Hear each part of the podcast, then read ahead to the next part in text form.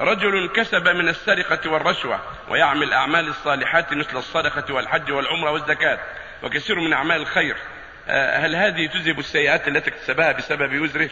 إيش؟ رجل يكسب من الرشوة ومن السرقة وغيرها ولكنه يتصدق ويزكي ويحج ويصلي هل تنفعه هذه بتك؟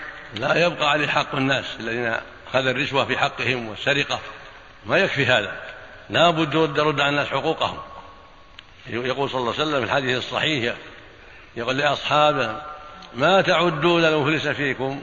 قالوا من لا درهم له ولا متاع.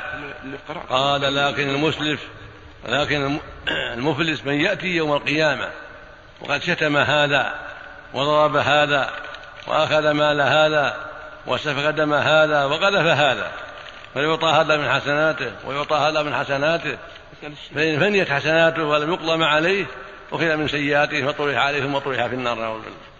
لا بد أن يؤدي الحقوق للناس. نعم نسأل الله العافية. نعم.